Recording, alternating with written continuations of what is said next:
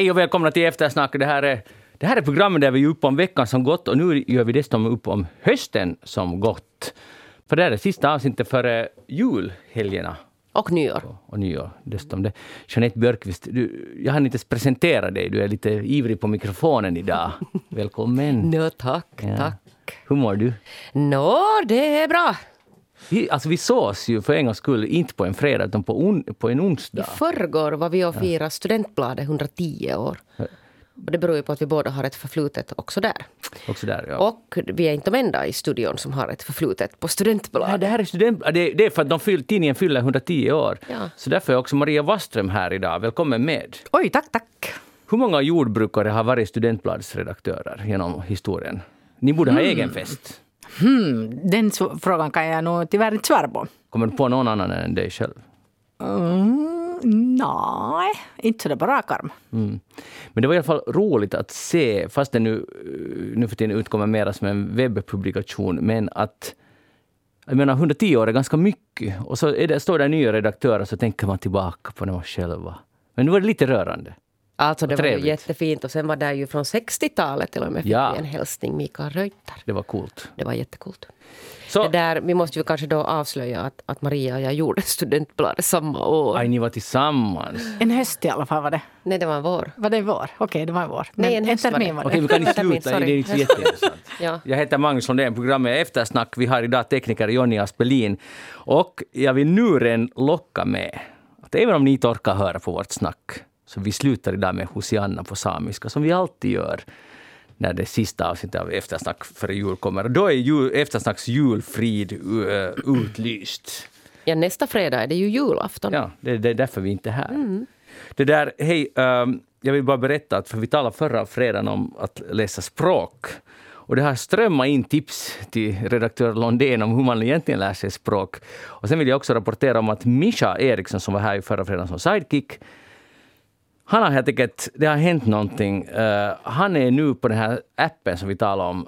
Så han har efter två dagar, och jag hade hållit på i två veckor, så kom det Mischa Eriksson has now passed you. What are you going to do about it? För det är ju alltid ett spel. Att han har mera poäng på två dagar än jag hade på två veckor. Och nu har han, Vilket språk var det han tog? han läser spanska. Han har, jag, tror, jag undrar om han sköter sitt rektorsämbete, för att han är otroligt mycket där på sin språk. Så ni som jobbar med honom, om han verkar jätteivrigt sysselsatt med någonting, så det är antagligen den här språkappen. Men ni får en spansktalande rektor istället. Det är inte så dåligt. Det där, men ett tips som kommer, jag skulle tänkte testa det på er, det är en kompis skickade en, en sån här TED-talk eh, om en kvinna som berättar att hon lär sig ett nytt språk vartannat år. Jo, och en av metoderna som hon rekommenderar är att man ska se på Friends på det språket man vill lära sig. För man kan dem utan till och, och då så kommer man liksom koppla Det var ju lite. jättebra. Ja, så jag tänker nu börja se på Friends på franska. Kan du dem också utan till? Nå, ganska nog. Okej. I alla fall vet man jargongen. Och så vet man när man ska skratta. Vet du, för man kan... Man, Hej Och vet man inte så kanske man hör det där Men vänta, bakom, vänta, hur det förutsätter att det finns alltså dubbade versioner. Jo, alltså det är ju typ franska, spanska, vad, vad det nu kan Det finnas. hjälpte inte nu min danska. Nej, nej, det hjälper det Jag inte. tror inte att danskarna dubbar. Jag tror att danska filmer kan vara ett bättre sätt. Ja, men det är ju inte, alltså, nu är det ju inte så att jag inte skulle ha tittat här i många år på alla kriminalserier som existerar och filmer. Och Mm. det hjälper inte. Nej, det där är konstigt, jag, jag har nu som uh, infört en ny politik i familjen. Att I alla fall när jag ser med min fru på film så måste det vara en fransk film. Problemet är att man förstår, eller jag, ursäkta, andra förstår ju, men jag förstår inte så hemskt mycket fast jag sitter och sliter med den här appen nu i tre veckor än. Så ändå så fatt- fattar jag inte riktigt vad de säger. Nu är det den här appen som vi talar om som jag kom på sen efteråt varför det inte alltså påverkar min danska. Att jag har ju inga problem att läsa danska. Mm. Att den är ju ändå ganska baserad på den här sk- skrivna. Fast Ja. där finns alltså Det vissa finns mycket sådana... muntliga övningar nog också. Maria, det, vi, har, vi har ju utmanat varandra, vi ska lära oss skriva studenten nästa vår. Jag undrar, vågar du ställa Jag är upp alltså i den inte här? med i det här. Nej, Jeanette. Och jag sa fel. Jag sa förra gången att man kan skriva studenter på danska. Jag hade helt fel. Ursäkta för Aj.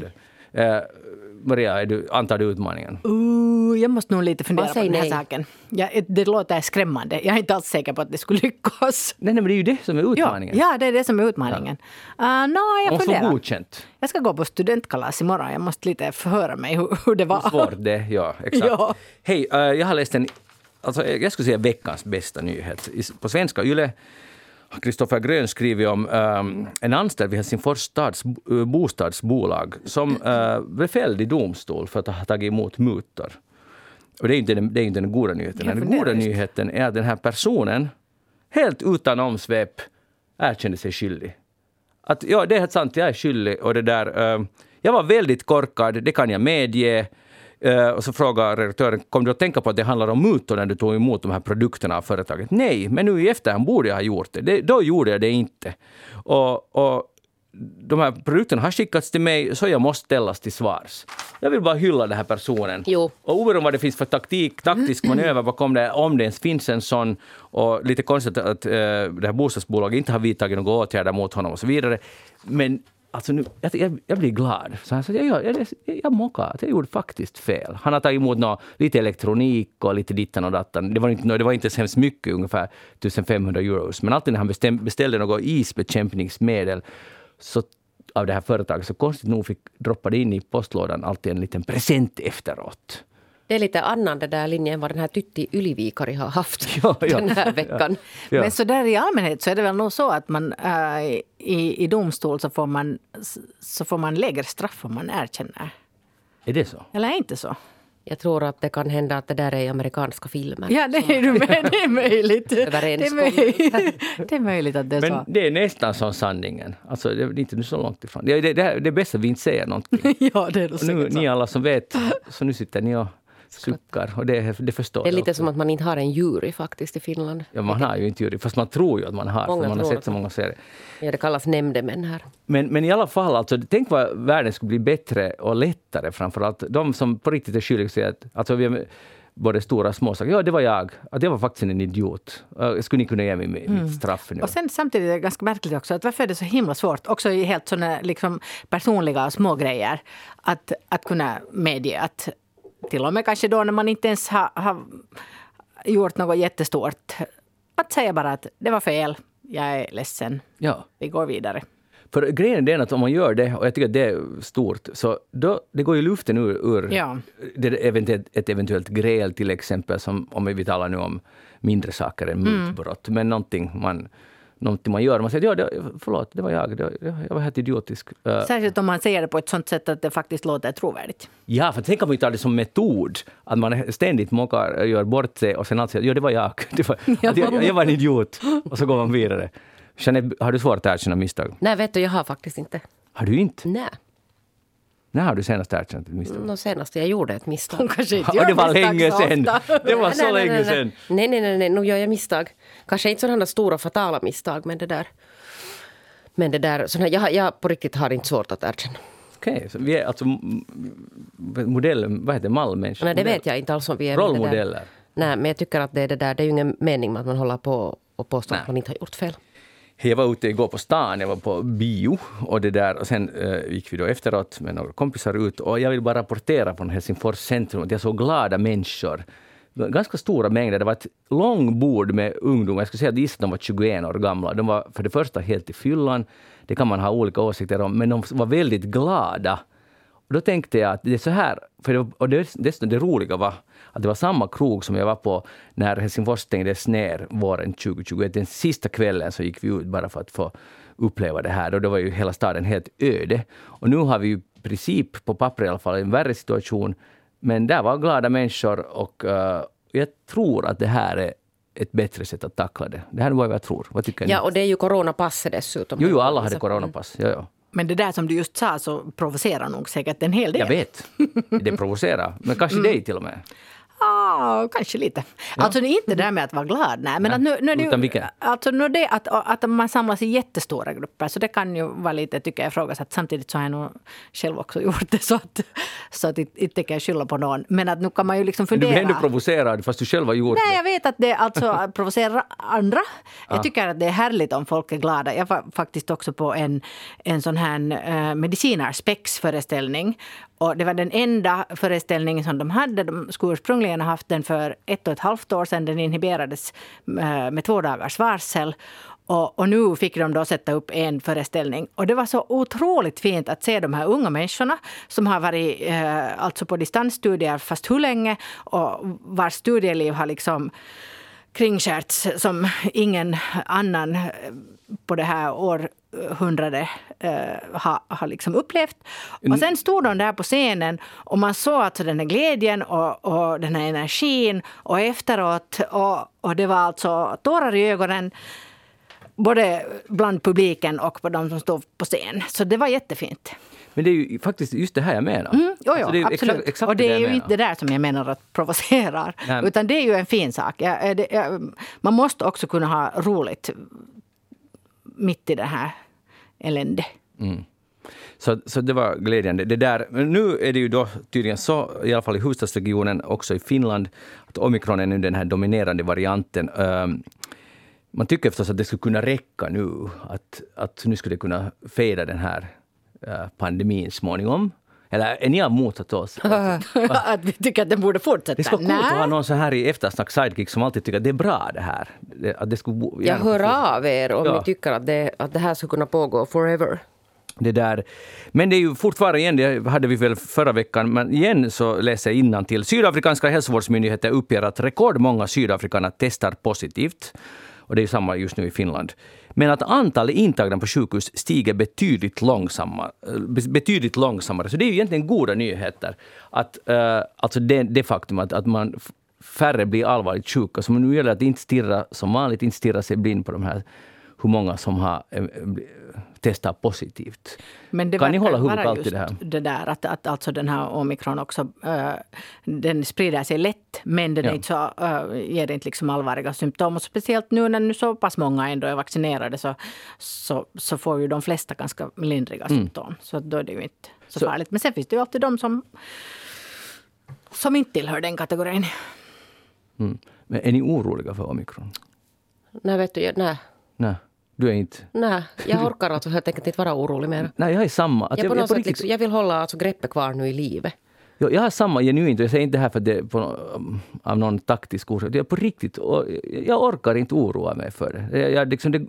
Det går inte hem hos mig. Maria, du ser oroad ut. Nej, alltså inte är jag orolig för min egen del heller. Jag tycker nog faktiskt att, att är, man, är man vaccinerad så är det ju ganska sällsynt att det nu händer något väldigt allvarligt. Så att inte tycker jag heller i det här skedet mera att, att jag behöver liksom ansvara för alla andra människor. Sådana som till exempel inte har tyckt att de nu orkar gå och vaccinera sig. Utan man lever nu sitt liv och, och och, och vidtar förstås de åtgärder som, som, som är relevanta. Men att, men att inte gå omkring och oroa mig, nej det gör jag inte. Nej, och jag tror faktiskt att de flesta eh, är redo att ansvara för sina egna liv. Liksom I alla fall i den mån man nu kan göra det. Men att, att jag tror att de flesta vanliga människor tänker att jag ansvarar för mitt eget liv så gott det nu går. Och nu tycker jag att det här coronapasset fungerar ju bra. Jag menar, är det i användning så kan man ju göra en massa saker. Gå på olika julkonserter och sånt. Men sen samtidigt så är det också liksom alla barnens julfester och allt sånt här som kommunerna ordnar så är inhiberade. Att, eh, där används ju inte coronapass. Så att nu, nu påverkar det ju väldigt många. Och då kan det ju kännas kanske ännu mer orättvist. Är du ett litet barn som hade sett fram emot att ha julfest och mamma och pappa skulle komma och titta och kanske mormor Och morfar och alla. självständighetsbalen. Ja, och sånt hänt. Men att det, det går då inte. Så att, nu förstår jag att folk blir lite Varför går det? upprörda. För i vår skola så, så, går det, så, så måste föräldrarna visa coronapass på julfesten. När vår är alltså inhiberad. Aha. Mm. Och Kanske vår ännu blir. Det kan ju vara att jag har missat det. Men nu kan det hända så att det är för att du har barn i andra åldrar. För att, att jag har barn i en skola alltså i, i den åldersgruppen som inte ens får bli vaccinerade. Ja, just det. Nåja. Hej, men hur tänker ni nu göra med julen? För det är det som det nu alla snackar om. Att hur ska man nu riktigt göra med julfesten när man träffar släkt och, och ofta är det olika generationer som blandas och så vidare. Så, No, där igen tycker jag ju det att de här äldre generationerna är jag inte så förfärligt oroad för, för de är nu, nu tre gånger vaccinerade. De som jag åtminstone kommer att umgås med. Så, så det är nu inte ett jättestort problem tycker jag att umgås med dem. Och vi har inte en sån tradition att vi träffar liksom 50 människor eller 100 människor på julen, utan det är närmaste familjen och, och kanske några släktingar. Så jag tycker inte att det, jag menar, det finns många andra evenemang där, när man träffar mycket mera människor. Så jag firar nog som helt som vanligt. ja, samma här. Men jag tycker Samma här. En åtgärd kan man göra om man vill. Alltså det, och det är ju så lätt att alla tar ett hemmatest. Jag menar, om man nu vill, och det är ju, kräver, kräver hemskt lite av alla. Och sen behöver man inte mer tänka på omikron eller någonting på hela julafton. Och det kan ju vara att det ändå går, men då går det så då. Men, men, äh, alltså att det går dåligt, men, men då går det, då, då, då kan man inte göra mycket mer. Förutom att isolera sig, och det har vi redan testat på. Och vi mådde som samhälle ganska dåligt av det. Alltså en stor del av samhället mår fortfarande dåligt och Ja. kommer att må, må det länge till. Ja. Så det är nu kanske är det vår rekommendation. Alla gör nu som de vill. Jag tycker nog att man måste bestämma själv. Ja, alla får vi- rekommendera. Alltså mycket makt har vi, men inte kan vi Vi bestämma säger, över andra. så här gör vi och de andra gör som de vill. Just det. Eget för. ansvar, det är alltid bäst. Hej, eh, Maria, du är ändå från Västnyland, så har du tänkt på att bli stadsdirektör i Ekenäs? nej, det hade jag inte tänkt. Nej, jag har inte Förrän nu? ansökt. Nej, men nej, ansökningstiden gick ut redan. jo, men den har förlängts. Ah, ja, Det är det som är ja, den har förlängts. Ja, okej, no, men då så. Sa jag Ekenäs? Jag menar Raseborg. ursäkta. Raseborg, Ja, precis. ja. Ja. det var ju... Ja, varför har de inte ringt dig? Det skulle man ju ha väntat sig att de gör. ja, just det.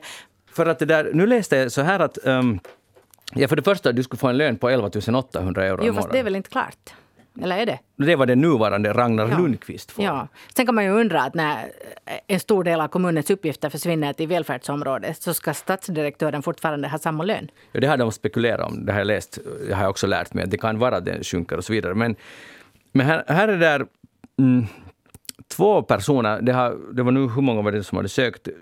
Sju. Sju. Men de är inte nöjda med de som har sökt och alla uppfyller inte kriterierna och så vidare. Så nu vill de förlänga det. Och de, det finns en rekryteringsvideo. Och jag har försökt hitta den här. Jag har sett den. Har du sett den? Ja. Nå, berätta. Alltså den, den, den är helt rolig sådär. Den är ganska lång för att vara en sån där riktigt att eh, få folk att nappa på det. Men det är alltså, eh, om jag nu inte minns fel, en kvinna eh, eller någon som cyklar omkring i de olika delarna. Raseborg är ju vidsträckt. Jo. Och, så det är lite som en turistvideo samtidigt. Men den var helt trevlig. Och, eh, trots att du har sett den fick du inte lust att söka jobb. Nej, Helt det. konstigt. Men jag vill komma in på, här är en kille, Johan Vide har sökt det. Ja. Och jag läser, vill läsa högt här. Och jag vet ingenting om personen i fråga, och det har ingenting med göra, men, men det är bra med lite knorr här i, i förvaltningen.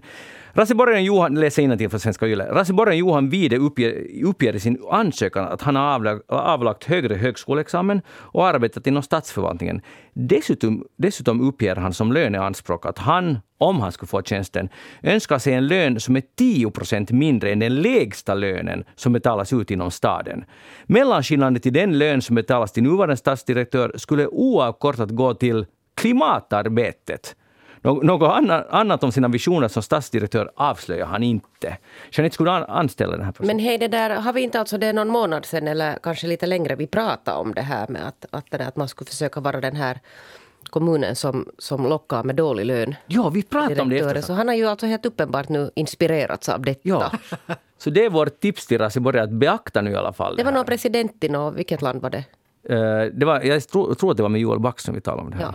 Det där, Ja, det är ju det att det kanske ju inte nödvändigtvis ger en, en sådär väldigt liksom ehm, en bild av att det här är en människa nu som är intresserad eh, och lämplig för uppdraget om man inte skriver någonting om, om sig själv förutom att man vill ha en dålig lön. Jo, nej, det, du har helt rätt. Det, det väcker ju några frågor. Gör det? Ganska många. Men att det där, eh, alltså jag skulle närmast sätta det som på kosseriavdelningen. Alltså jag, tycker det, jag tycker det är lite fräscht på ett sätt. Att nu har tjänstemännen i Raseborg måste läsa det här och fundera, hmm, vad ska vi göra med det här? Och sen dyker man upp i eftersnack dessutom. Det är ganska märkligt måste jag säga att en tjänst som, jag menar, äh, Raseborgs stadsdirektör, det, det är ju en ganska prestigefull tjänst och, och en väldigt god lön. Att det lockar så få människor. Jag, jag är egentligen helt förundrad alltså. Man tycker att det skulle finnas en massa människor som skulle vara intresserade av ett sånt jobb. Nu var det, ju- det var ju många riktigt seriösa tyckte jag nog ändå. Uh, Och inte så många, det var som Nej, sagt många, sammanlagt några. sju. Ja. Men sen den här Teuvo, jag ville, Teuvo Tuominen har också sökt det här jobbet och det var ett ord jag bara fastnade. Han beskriver sig själv som intelligent. Och det tycker jag, det, så ska man prata när man är man. Man, man bara helt säger jag är sen intelligent. Ja, och hur trovärdigt är det? Ja, ja, jag vet, det beror på om det är en man som säger det, så då är det ju trovärdigt, eller hur? Alltså, nej men, alltså, har ni någonsin tänkt om er själva att ni är inte intelligent? Jag har i alla fall inte gjort det, men att, att jag, är, jag är intelligent. Nej. Nej. Maria? Inte ens tänkt och definitivt inte sagt. och, i- och inte är det heller. Nej, dessutom det. Men, men alltså, tror ni på någon som... Om ni tänker nu, ni vet, det här är det enda ni vet om Teuvo Tuominen. Han är eh, intelligent, drivande och van att hålla i stora projekt. Och bra på marknadsföring och på att medla. Det är annars en ganska god egenskap. Att kunna Ja, det är ju så att i sådana fall så tänker jag just att av de där olika adjektiven eh, så, så kanske det är det här med intelligent som man tror minst på när en människa själv säger det. Ja, ja. Alltså jag skulle säga att Teos ansökan skulle ha haft mera trovärdighet. Han skulle bara strukit det ordet. Jo, absolut. Han, hans någon, om han har barn eller hustru eller vem skulle säga hey, jättebra Teo, men ta bort det där. Ett tips bara från eftersnack. Alltså vet du vem som har skrivit den där artikeln? Är det Maria Waström? ja. Är det? Ja! Du, alltså du är helt otrolig, du dyker upp överallt. Så därför sitter hon där och ser Jag lite tyckte bara det var konstig så ut. lustigt när du tog fram just den där artikeln. Aj, Nåja. Det visste jag faktiskt inte. Ja.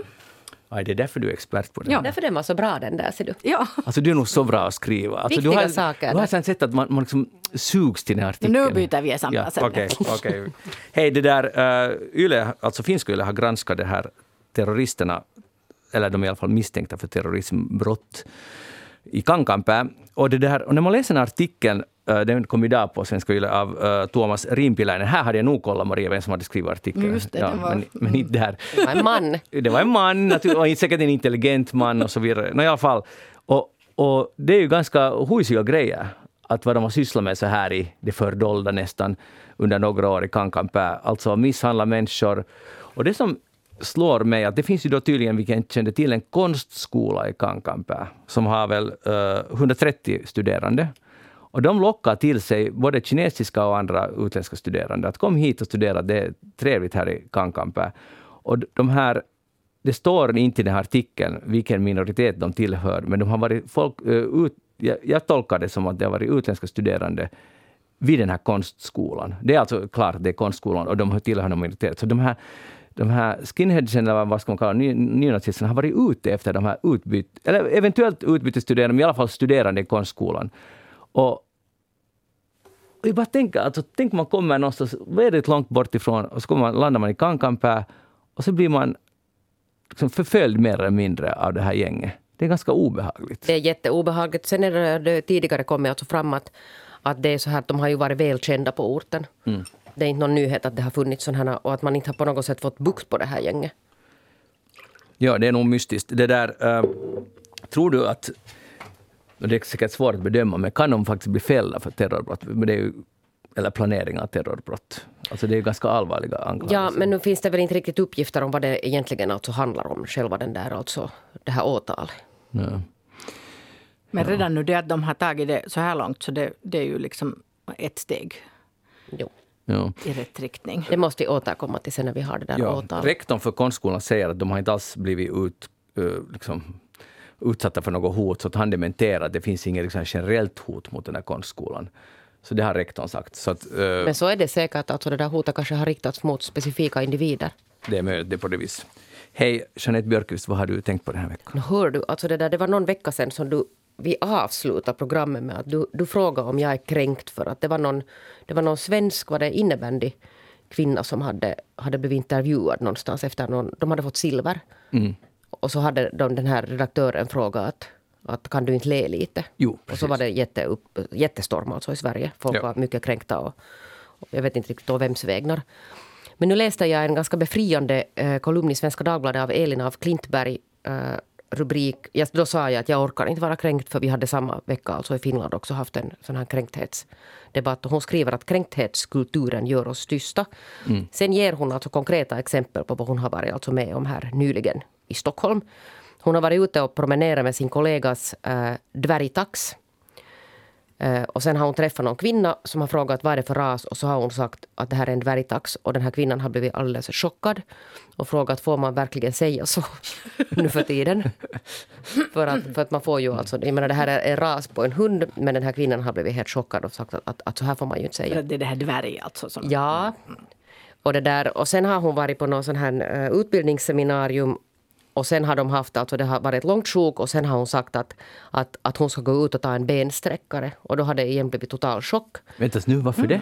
Nå därför för att, för att sen har alltså den här, den här arrangören förklarat att det där att hon har uttryckt sig jättedumt för det finns människor som inte har ben Nej, men, som Men det- kan alltså bli sårade av det här att, att nu på något sätt exkluderar hon de här. Och det här, jag, det här är alltså, jag är 100 procent men hon hade själv ben. Jo, och då, genom att säga bensträckare så har hon då exkluderat. Och det här är alltså det vad hon menar med den här kränkthetskulturen som går alltså för långt. Att man sitter liksom och blir kränkt alltså bara för att bli kränkt. Och det, det är jättevanligt. Jag tror att vi har talat mycket om det här. Hon Jag tror sen- de är experter på det i Sverige och de är, de är fullständiga experter. Men det där, sen säger hon, och jag, och jag håller helt med det här, att, att när det går för långt den här kränkthetskulturen så kommer det att, eller det har redan kanske delvis lett till att ingen mera kan säga någonting. Alltså att det börjar inskränka på något sätt på den här yttrandefriheten. Man blir rädd för att säga någonting för att plötsligt så var det fel fast man inte Jo. eller utgick ifrån att det skulle vara fel. Ja, och det finns, det finns alltså samhället fullt av grupper som vill missförstå och bli kränkta alltså egna vägnar och andras vägnar. Och, och allt. Hon har sen alltså slutat den här den här alltså mötet med den här, jag måste bara citera vad, vad som hände med den här dvärgtaxen. Så har hon sagt sen att nu ska hon gå iväg med sin kortvuxna hund. och gått och den här, den här damen har inte alls alltså förstått det här. Men sen började jag alltså googla på det här med, för det heter alltså kränkthetskultur. Och det är nu en stor debatt alltså i Sverige för den här kränkthetskulturen har tydligen kommit in. jätte- De, de har stora problem i skolorna. Och de här anmälningarna mot skolpersonal har fördubblats alltså på, på ett par år. Det är elever alltså som blir kränkta för en massa saker och så gör man alltså anmälningar mot skolpersonalen. Och det, är- det är ett stort problem alltså som, som diskuteras mycket i Sverige. Och på något sätt så ser jag att det här är ju alltid sånt som kommer till oss också. Att det håller ju redan lite på att komma. Och sen kommer det alltså att förstärkas det här. Och det är ingen bra väg att gå det här. Att man sitter och vill bli kränkt och missförstå varandra. Och dessutom så ökar det alltså klyftorna i samhället därför att det finns en grupp som blir helt rabiat Jo. av alla de här uh, exemplen. Ja. Och, och, fast man kanske själv också blir lite, men det finns då några som blir ännu mera. Och sen är det den här att när man sätter på den här liksom offer, offer liksom kappan och sen är det en personlig upplevelse och då finns det ingenting man kan säga mera för att den här kränkthetskänslan är personlig och den har man rätt i. Men, men det leder inte riktigt till någonting bra om man håller på så här. Alltså det leder ju nog till att man blir tystare. Jo, det gör det. Men jag, tror, jag håller inte med dig om att att det leder till att det är en kris för yttrandefriheten. För vi, kan ju fortfarande, vi får ju säga så att säga vad vi vill och det är inte alltid bra att säga vad man vill så att säga. Men, men inte, inte det är ett hot mot yttrandefrihet. Men det, är men det är ett hot mot att vårt sätt att uttrycka oss och, och, och prata fritt och så vidare. För att man vet aldrig vad som är okej och vad som inte. Ja, eller man kan väl utgå nu för tiden från att ingenting är riktigt okej. Det finns liksom en del av samhället, en del av människorna som blir försiktigare. Och sen blir det då den här andra delen som... Sportar. Som, precis. Och sen dessutom kanske använder det här med att oj, igen blev du kränkt. Så då blir det liksom också den debatten sen som man kan kasta Ja, Och den är också, de människorna ger jag inte heller så jättemycket för, för att de, de vill liksom kasta ur de här orden medvetet för att liksom bråka. Ja. Och det är, inte heller, det är inte heller så jättebra. Men det är just det, faktiskt det som du tog upp Maria, det är just det där det delar. Det är ytterligare en sak som delar oss, på vilken sida är man nu i den här?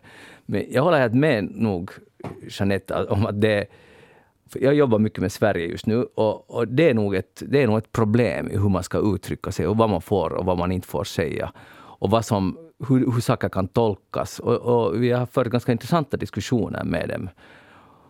Och det där, man måste vara väldigt försiktig. Och, och, och på det sättet tycker jag det, det inskränker på hur man uttrycker sig. Det gör det definitivt, i alla fall som skribent. Ja, och det är ju inte bra. Nej. Men de, jag, tror att, jag tror att många tycker att det är bra, för att då, är, då ska alla känna sig delaktiga i samhället. Och de tror, alltså, nu är det ju en ärlig strävan efter ett, att ett försiktiga sam, samhälle, är- samhälle är bättre. Nu är det, det var någon, och att det är bättre för att då känner alla sig inkluderade. Jag tror inte att det riktigt funkar så, men, men i, i viss grad är det ju, låter det ju helt vettigt. Jo, och det är ju liksom sen på något sätt, ja, men det är på något sätt liksom på något sånt här makroplan att det är klart att det finns alltså, allt det här har säkert startat från goda intentioner. Och behö, alltså, förändringar som måste ske. Att hur man till exempel talar om minoriteter och sånt här. Men sen när det går över styr, att det blir så här att man, att man bara går omkring och söker fel och vill missförstå. Och, och, och hon sa liksom att i Sverige till exempel stå upp komiker har jättesvårt att jobba nu för tiden för att man kan, man kan Ja, inte säga någonting. Ja. Alltså som man tidigare har kunnat skämta. Alltså det, är ju, det är ju en del av det här att man skämtar. Ja. Så ingen kan mera säga någonting för att då blir man sen alltså utsatt för sådana här sociala mediestormar. Ja. Och tvingas be om ursäkt för en massa saker. Just det, och så blir det den rumban igen. Att oj, vi måste be om ursäkt för varendaste en liten grej som vi har gjort. Det var intressant, den här Magda Gad blev ju inte, hon är journalist, hon som är i Afghanistan för Expressen, så hon var intervjuad i uh, Sveriges TV. Det blev en stor debatt om det för att ho- hon blev kränkt av frågorna som ställdes till henne och de där frågorna var ganska löjliga. Men hon var, det var bara intressant att se en journalist som blev superkränkt över en annan journalists frågor. Och där var det Det också blev ju en riktig storm alltså där i Sverige av den här. Och, och, det där, och jag tycker att hon, Magda Gard kanske lite överdrev ändå. eh, men de där frågorna var helt irrelevanta och dåliga, många av dem. De visar bilder på hennes biceps till exempel. Och att, att hallå, att här är en korrespondent som är i Afghanistan, att kan ni tala om riktiga saker nu? Ja, men där alltså, det var, har du sett det där programmet? Det var ju inte alltså Jag har riktigt så hela enkelt för att, för att nu talar man ju alltså om Afghanistan också. Jo, det gjorde man. Att Jo, det jo. får ju sen om man bara läser om det där så låter det som Jo. att man inte skulle ha gjort någonting annat än flasha alltså Magda Gads biceps. Och sen när- har varit bodybuilder. Jag- jag och det vet. här Anna Hedenmos alltså program Min sanning, så det är alltså en viss karaktärs program. Ja, och hon gick Ja. med, Magda Gad gick med i det här programmet. Och det, är ju, det handlar ju då om att, att det är liksom en, ett personporträtt på ett sätt. Att, man- att en, en intervju med en person. Men det som jag bara tänkte, jag har nu inte sett det där programmet men jag har läst om det och, och så vidare. Och då har jag tänkt att, att eh, jag menar, man kan ju också svara på ett sånt sätt att, att det visar att den här saken är jag inte intresserad att prata om. Ja, och det gjorde hon inte. Hon, hon skulle bra kunna säga att "Eh, ska vi gå vidare, ska vi tala om Afghanistan? Och det gjorde hon inte, utan sen kommer det efteråt i Twitter. Så det var nu sådär. Men ja, alltså, vi, men det som är konstigt med oss människor, att, att när en trend startar, när bollen börjar rulla, så går den aldrig att stoppa. För att som du sa, det börjar med goda intentioner. Många, vi måste ju rensa i vårt språk. Det finns ju allt möjligt. Som förut, åtminstone när jag gick i skolan, så kunde folk kalla varandra för homo. Ja. Och, och det är nu väldigt bra att, det börjar tas bort. Att det, liksom, det finns ju massa uttryck som inte funkar och inte ska användas, som jag tror att de flesta är överens om. Men sen när det kommer igång, så det, man slutar aldrig i tid med att, att korrigera. Man Nej. bara fortsätter korrigera Ja, och det går alltså, men jag tänkte det här, du- för du skämtade lite om den här intelligenta mannen vet Ja. du, och sånt här, här tidigare. Så att jag tänkte för att, för att skulle det helt uteslutet alltså i Sverige att du skulle sitta och säga sådana här saker. Vet du, för att, att, att det är en humor som inte man skulle förstå där. För att Nej, det har jag märkt. Då borde vi egentligen sitta här och så ska vi vara sådär jättekränkta. Fy kvinna, patriarkalet kommer här. Ja, Men alltså det, det där att, att alla individer behöver någon slags resiliens alltså. Och jag förstår om man har varit en, en förtryckt minoritet. Finlandssvenskarna är ju då sådana att vi får ju per definition alltså inte bli kränkta för någonting. Utan ska liksom ha jättehög. Och, och det är nog en förutsättning för att man ska kunna leva sitt liv på alla möjliga plan. Att man har resiliens. Men varför använder du så här svårt ord? Men förstår du så här att, att, vet du, att man måste kunna tåla Tack. också saker, kritik, motgångar. Ja, ja exakt. Och, och, och, inte- ja, det- verkligen. Och just det där med humor, att vad man får säga, så det är det jag upplever i Sverige, att det, att det funkar inte. Och sen tror jag att problemet med den här kränkthetskulturen är ju det att det är kanske de som redan färdigt har ett ganska städat språk som ytterligare liksom vrider till det och, och, och blir sådär eh, liksom gallrar i sitt ordförråd. Att, att det skulle vara bra om det istället skulle kanske gallras från den andra ändan. Tack för det. Eh, tack Jeanette för det där bidraget. Mindre kränkthet nästa. Ja, det, det är bra tema för 2022. Tyvärr är det osannolikt att det går åt det hållet. Men man vet aldrig. Maria Wassten, vad har du tänkt på den här veckan?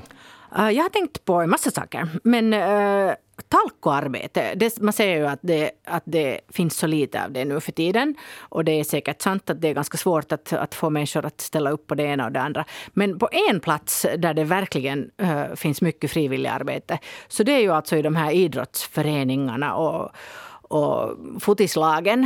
I mitt eget fall så tänker jag på, på fotbollen där mina båda barn faktiskt har varit aktiva. Och, och nu kommer jag att tänka på det just den här veckan för att vi har, vi har liksom avtackat en, en förälder som har varit aktiv i många år som tränare och, och liksom viktig figur för de här, i det här fallet ett, ett flicklag. Då.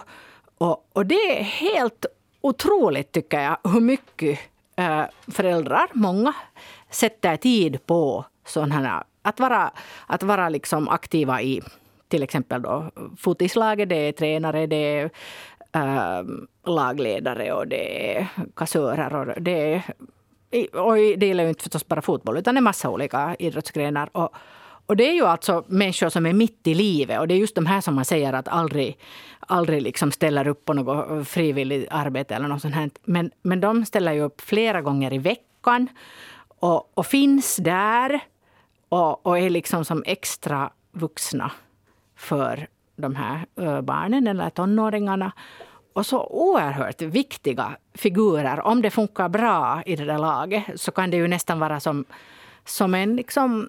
Eh, som en extra vuxen helt enkelt. Och, och jag, jag tänker att, att den här rollen så borde nog få, få liksom synas och höras lite mera. För de gör ett så jätteviktigt jobb. Nu kan han skjuta till scouterna. Ja, jag ska, Ja, precis. Alltid, men, men, ja. men det gäller ju nu alltså alla frivillig organis- eller ungdoms, all ungdomsverksamhet. Så är, det, sådant. så är det. Men mycket görs helt frivilligt och faktiskt flera gånger i veckan. Alltså. Absolut, det är helt otroligt. Alltså jag tycker det är, helt, det är, som, en, det är som magi. Alltså det är helt fantastiskt att folk orkar och is. Och de Ja. får ju också förstås något ut av det, för det är ju, det är ju roligt. Ja. För, men det är också ganska stressigt. Men ibland så är det kanske inte så roligt när saker och ting inte går enligt planerna och det är mycket, du har själv kanske ett heltidsjobb vid sidan om och det, det är liksom massor med tid som går åt till det där. För att inte alla, sen har man att göra med många föräldrar som inte bryr sig överhuvudtaget. Som Precis, tycker att, eller som har jättemycket åsikter eh, Ja. som eh, kanske inte alltid går riktigt i samma linje som alla andra så, så vidare. ja, jag, jag tror nästan att, att, att vara med barnen är det där lätta. Och det där Ja. svåra är de där är föräldrarna. Sen, och sen finns det alltså specialbarn av olika slag som behöver ännu mera liksom, o- omsorg och omtanke. Och det, jag, jag tänker bara att det, det är ofattbart fint. Alltså. Så tack alla ni som, Jo, som håller på med det här. Faktiskt hatten av och hyllning. Och, och det som speciellt sådana som, för det, jag tror att det som ungdomar behöver, eller förstås vi vuxna också, men det är kontinuitet. Mm. Att, att någon tränare som orkar vara, om vi talar om idrott till exempel, Mm. orkar vara fast fem år. Att, om det, förstås det är ju inte så roligt om det är en dålig tränare, men att om det är en, en bra som de fäster sig vid, att Mm. den där människan inte bara försvinner direkt efter ett halvår och nu ska det bytas, nu ska det komma någon ny. Och, nu, och det blir ganska så här splittrat. Mm. Ibland kan det förstås vara bra om det är en dålig tränare, tränare som sagt, men att att ha en sån här typ som har varit med hela ens uppväxt, det är ju helt otroligt. Och då är det ju inte det där själva tränarskapet kan vara egentligen en ganska liten del av det där liksom förhållande som sen utvecklas. Att det kan ju också vara den här människan som man kan vända sig till om man inte känner att man vill prata kanske med sina föräldrar om någonting. Mm. Eller att det, det är liksom så mycket mera än själva det där tränarskapet som finns där. Är det någon speciell klubb du tänker på nu? Nej, men no, jag tänker på mitt, mitt eget barns eh, alltså fotislag just därför att vi... Vad heter, vi, vad heter laget? eh, Ingo IF. Eh, spelar tillsammans med Ekenäs IF. Och, och det där, eh, där var just en förälder som, alltså, som slutade nu efter fem år. Och, och det var därför som jag, som jag tog upp det. Och för att vi, vi talar mycket om det och, och alla har varit jätte... eh, tacksamma också för den här saken. Men samtidigt så inser man att hur många gånger har man då sagt det under de här fem åren?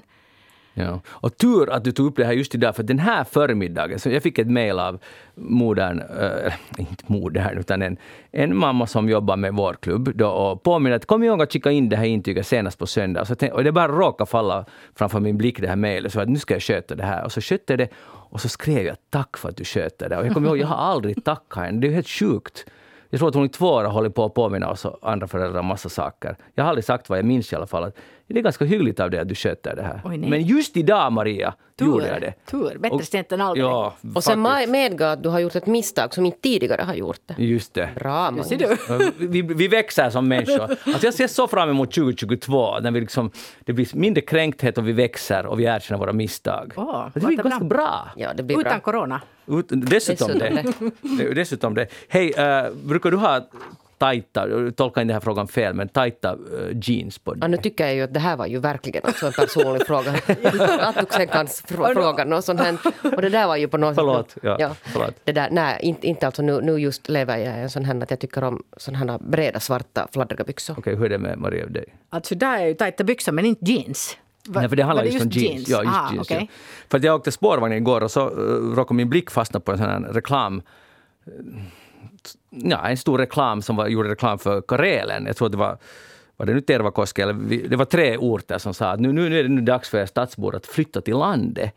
Och där var ett, en argument var det att, att på landet behöver man inte ha så tajta farkon på, på sig. Och då jag kände mig inte alls träffad. Ah. Och jag började tänkte, vem talar de med? Då tänkte jag att jag skulle fråga er. Ja, jag tror att det handlar alltså om äh, tajthet liksom i, mellan öronen. Nej, det var det du menade. Ja, så tror jag. Men alltså, att det är liksom mindre tajt där det- ute. Jag trodde att det sitter i byxorna. men de, de, talar om, de talar om farkon. Alltså, Ja, men jag och tror att farkon det, betyder jeans. det var Alltså, det är mycket så här- bredare. Ja. Ja, men ser du, nu borde vi ju vara lite mer det där, inne på den här modetrenden. Men alltså det är ju några år sedan, vad jag nu uppfattar att det var modernt med att ha jättetajta jeans. Ja, kan det vara att de är lite för sent Men det, ute? ja, eller sen är jag alltså nu inte riktigt så där har, vad heter det, senaste nytt. Koll Det kan det. ju hända att jag tycker inte att så många går. Alltså det har ju kommit den här lite mjukisbyxmode. Jo, de borde ha skrivit att ha inte så mjuka byxor där i stan. Att här, Ja. här i Terkoski kan vi ha...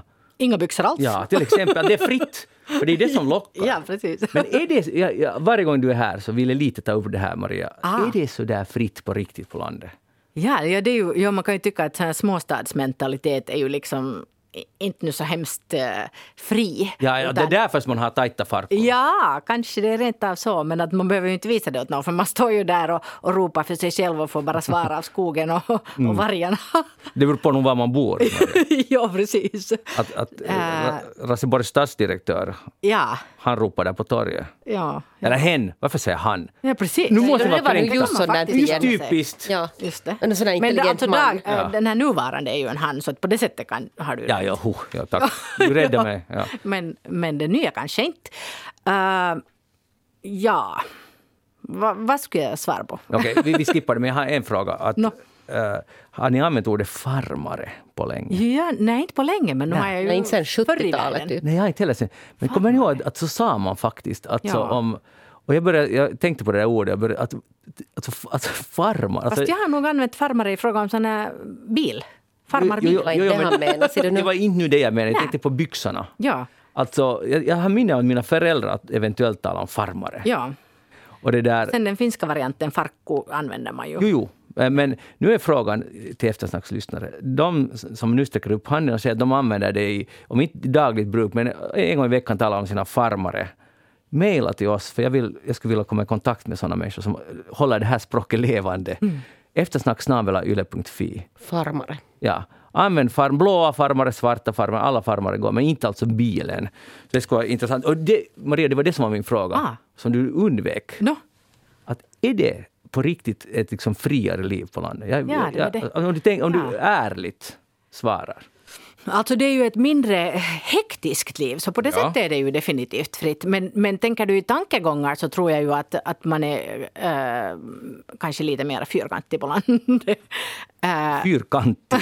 Det var Ja. du, du, du som sa det där. ja, ja, det var jag. Äh, att där det kanske finns mera såna här oskrivna regler och normer och sånt. Det tror jag nog att det, det kanske finns. Men att det är ju också så att man känner ju kanske folk på ett annat sätt än i stan. Man är ju anonym i städerna och då kanske det inte spelar stor roll vad man, hu- hur man gör och hur man beter sig. Jag vet inte. Så att nu, finns det, nu finns det en skillnad. Men vill man vara sig själv och, och så finns det ju liksom alla möjligheter. Inte någon frågan om, om det, att, att det är någon som sätter några speciella krav på en. Ja, du saknar inte Men i stan får man ju vara sig själv. Ja, jag, tycker också. Men, men det, jag är bara nyfiken, för att, jag menar, det här var ett argument i en reklam. Därför är jag nyfiken. Men hej, vi går vidare. Ute i skogen får man vara sig själv. Har ni, det har kommit nu, under, nu ny undersökning som säger att som bevisar att mor och farföräldrar är mera liksom sammanlänkade med sina barnbarn än med sina barn. Och Det här är ju lite chockerande. Det betyder att vi som har barn, så vi kommer att connecta ännu mer om vi skulle vara så lyckliga att vi skulle få barnbarn. Vi är liksom inte riktigt bryr oss om våra barn. Och, och, det här känner jag, jag tycker det här är jätteprovocerande. Men om vi ser det, blickar åt andra hållet, vi blickar liksom till den äldre generationen. Stämmer det på dem? Och vågar ni säga det i radio? Att, förstår ni att, att era mor och farföräldrar är mer intresserade av era barn än av er?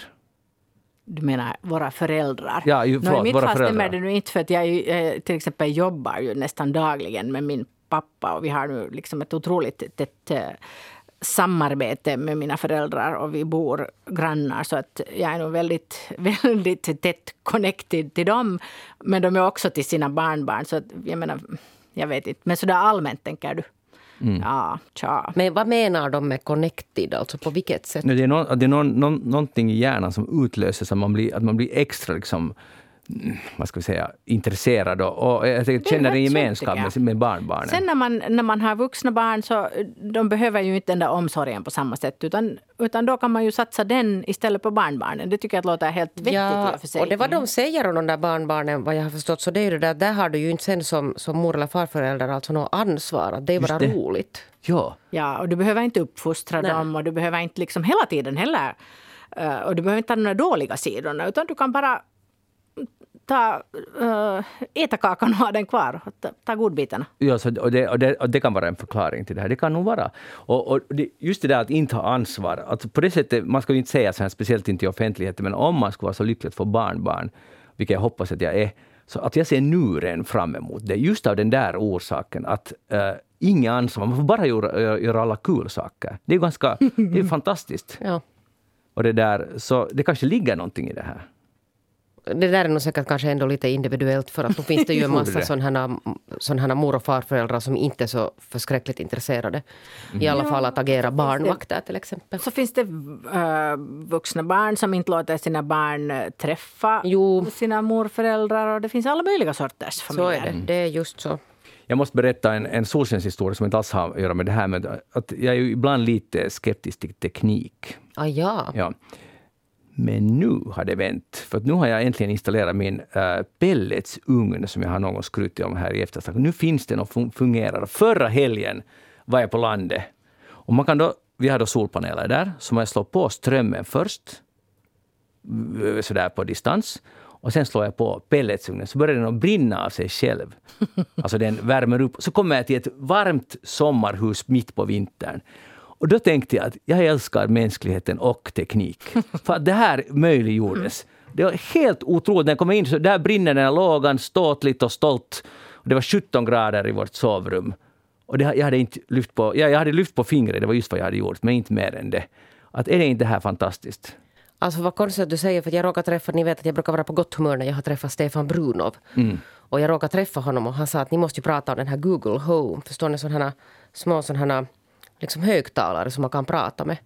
Det har funnits något tidigare, någon sån här Alexia eller det finns säkert fortfarande. Det sån här, finns lite sån här artificial intelligence. Så jag var helt säker när du började prata om det här att du har skaffat alltså någon sån här apparat som du pratar med där hemma. Trodde du det? Men det var inte så långt kommet ännu. Nej, det var verkligen inte. Uh, uh, För det här lär ha nu revolutionerat det här att man kan tala alltså finlandssvenska med någon sån här Google Home.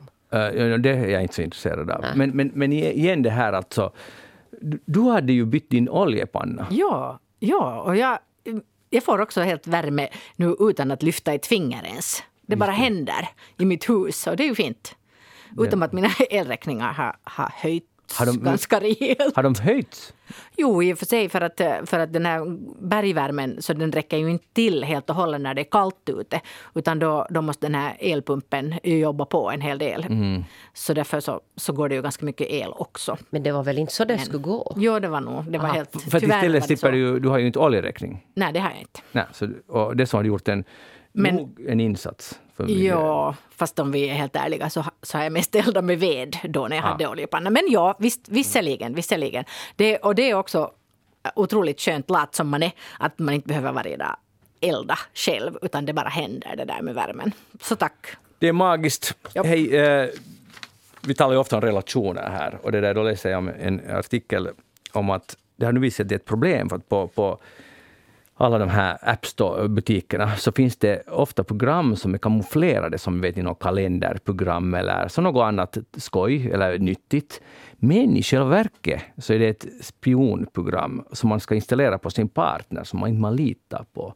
Så till exempel Jeanette, om vi skulle vara ett par nu och det blir inte kränkt fast jag Nej. sa så, Oj, för nej. vi är inte ett par. Men om, om, jag skulle ta den där, din telefon, hej, Jeanette ska jag hjälpa dig att, att eh, du behöver nog en ny kalender och sen om jag inte riktigt litar på dig så laddar jag ner den Ah, så du gör det på min telefon? och så ger den, hej nu har du din, och det ser ut som en kalender och det fun- funkar som en kalender. Men i verkligheten så bandar den till exempel vad du snackar, eller jag kan, jag kan koppla på den på distans och lyssna på vad du gör, kolla var du är.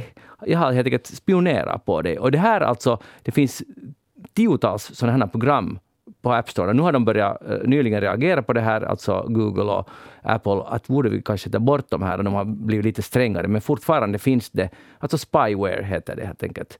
Och då, jag bara funderar, det som du brukar ta upp här, Janet, att folk som installerar spionprogram på varandras telefoner, just det har du inte tagit upp, men att sådana har såna problem, så de borde kanske prata om sina problem. De borde verkligen prata. Sen började jag fundera helt sådär juridiskt. Nu skulle någon jurist kunna höra av sig. Men jag, jag får nog en känsla av att om du skulle hålla på... Om du skulle alltså installera ett program på min telefon och tjuvlyssna på mig så är jag ganska säker på att någonting kränker du i juridiken. Ja, precis. Och inte bara kränk, det som vi just talade om kränkt, Nej, utan riktigt sådär att man kan föra dig till domstolen för det här. Det låter som att de här, de här två människorna kanske inte har ett väldigt sunt förhållande. Nej, det är inte bara två människor, det är rent generellt. Jag är helt säker på att det finns Ja, så mycket precis. som helst. Alltså sådana svartsjukedraman och sånt hänt att man inte litar. Sen, sen kan man ju nog fundera på att nå, det är konstigt att människor ändå anser att man ska Varför ska man leva ihop då? Om Ja. man, Ja, alltså det är om man liksom- inte ja. för det första alls litar på Att, varandra. att nog, utgångspunkten ska väl vara att om man nu lever i någon relation, alltså äktenskap eller vilket, vilken liksom form det än är. Så att om det, om det tar mer än det ger, så då kanske man ska fundera på någon annan lösning. Jag tycker att vårt råd här kunde vara att i den, i den sekunden då du inser att du behöver ett spionprogram för din partner så då Eller kanske du tänk- måste fundera på Ja, eller antingen parterapi, ja precis, eller kanske direkt skilsmässa. Ja, någon där. Ja, Och, och det skulle gälla Prata. Ja det också. Men det kanske borde ha hänt än- ännu tidigare. Tre alternativ av, Okej. av psykolog Maria Wastström. Ja. Men med, det är nog lätt att skriva under. Vi, om vi ska börja med det här pratandet. Och jag tycker det också ska funka om man märker att man blir utsatt för ett spionprogram av sin partner. Sant. Ja, Då säger jag att den sekund man märker det så packa väskan och stick. Ja, det är någonting som inte nu är riktigt okej. Ja. Eh, det var relationshörnan i eftersnack. Vet ni hur många råttor det finns i New York? I New York? Mm. Ja, nu ska vi gissa. Jag gissar på, jag slår till med sju miljoner. Jag säger en miljard. Ni hade bara helt fel. ja. De, de, påstår två miljoner. Jag tycker det är helt jättelite. Oj, så Det lite. lät ganska lite. Ja. Ja. Uh, Monia hörde fel. Men hur skulle de kunna veta hur många råttor det finns i New York? Folkbokföringen. Är de bokförda? De finns där, ja just det. Okej, men det var inte det som var poängen nu. Okej. Utan nu, nu är det där det som jag inte alls kände till, att det fanns alltså, det finns ju mycket råttor då där och, och i Central Park fanns det länge en, en, en örn, eller ett örnpar som häckade där. Och de var liksom kändisar i New York. Och så en sorglig dag eh, så tog den ena av de här örnen, jag tror i alla fall att det var en örn, men någon stor rovfågel tog en råtta som hade ätit råttgift och åt den här råttan och då dog den här kändisörnen. Och två månader senare dog partnern och barnen. För att barnen åt också av en förgiftad, en råtta som hade ätit råttgift. Okej, och nu har, nu, mm, men det finns då mycket råttor och folk tycker ju inte om råttor. Och nu eh, var det en stor artikel i New York Times om, om en ny sorts råttfälla som ser ut som, lite som ett, nästan som ett kylskåp. Det ser inte alls ut, men liksom till storleken, som ett mindre kylskåp. Och där inne finns det fälla, det finns solrosfrön och cookies och allt sånt här. Och råttorna kommer in dit och under en vecka så är allt frid och fröjd. Det är lite som i den här sagan eh, Åsnan, vem vad, heter, vad heter den här åsnan? Som, Nåja, vad det nu var. Mm. Nåja, okej, eh, de, de blir åsnor sen i den sagan. Vad heter den? Nå, en av, Fastna inte den nu. Okej, Ja. i alla fall. Det här går omkring i en vecka och får äta fritt, leva loppan och sen plötsligt på den sjunde dagen så faller de ner, plops, det, sån det finns en sån plattform där, så faller råttan ner i, ett, i en alkohollösning, den förlorar medvetande och dör. Men är Och, det... och, det där, och då har man lyckats fånga utan att sprida råttgift ut. Förstår ni? För att råttgift, då lider råttan och det som kan andra lida av det här. Som med den här örnen då. Mycket bra sådana metoder, men vad jag nu har förstått om råttan så hör den nu till en av naturens... Pinocchio, var det Pinocchio? Mest intelligenta... När Pinocchio var den här dockan Näsan. som ljög och näsan. Ja. Det där intelligenta djur, att de går ju inte... Det är inte många råttor som kommer att gå i den där fällan för att de, de sitter ju och har koll på vad det händer med kompisen. Men här var det just poängen att, att det här lurar råttorna. Och är det just cookies som de tycker Ja, om att cookies äta? och solrosfrön. Solrosfrön. Ja. Men, men då var det, och så var det en djurrättsorganisation som var jättearg att råttor är precis som vi alla andra New Yorkare, att vi försöker bara överleva vardagen. Att vi ska inte göra så här och lura dem att tro att här finns guld så hur ska vi göra då? Så låta dem föröka sig fritt. Ja. Så det här är nu en fråga Det kan till hända att om man, om man gör det så kan det hända att den här naturmänniskan sen i något skede säger att kanske man ändå borde begränsa lite.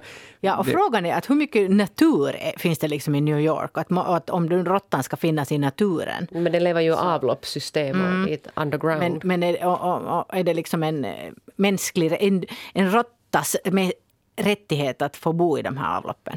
Ja, det där som har lite issues med de här stadsmåsarna säger ju att nej. Ja, jag, jag, jag räknar nästan med det. Och jag räknar med att Maria också är, tycker att vi ska nog Jag begränsa. skaffa ett sånt här kylskåp till min tork.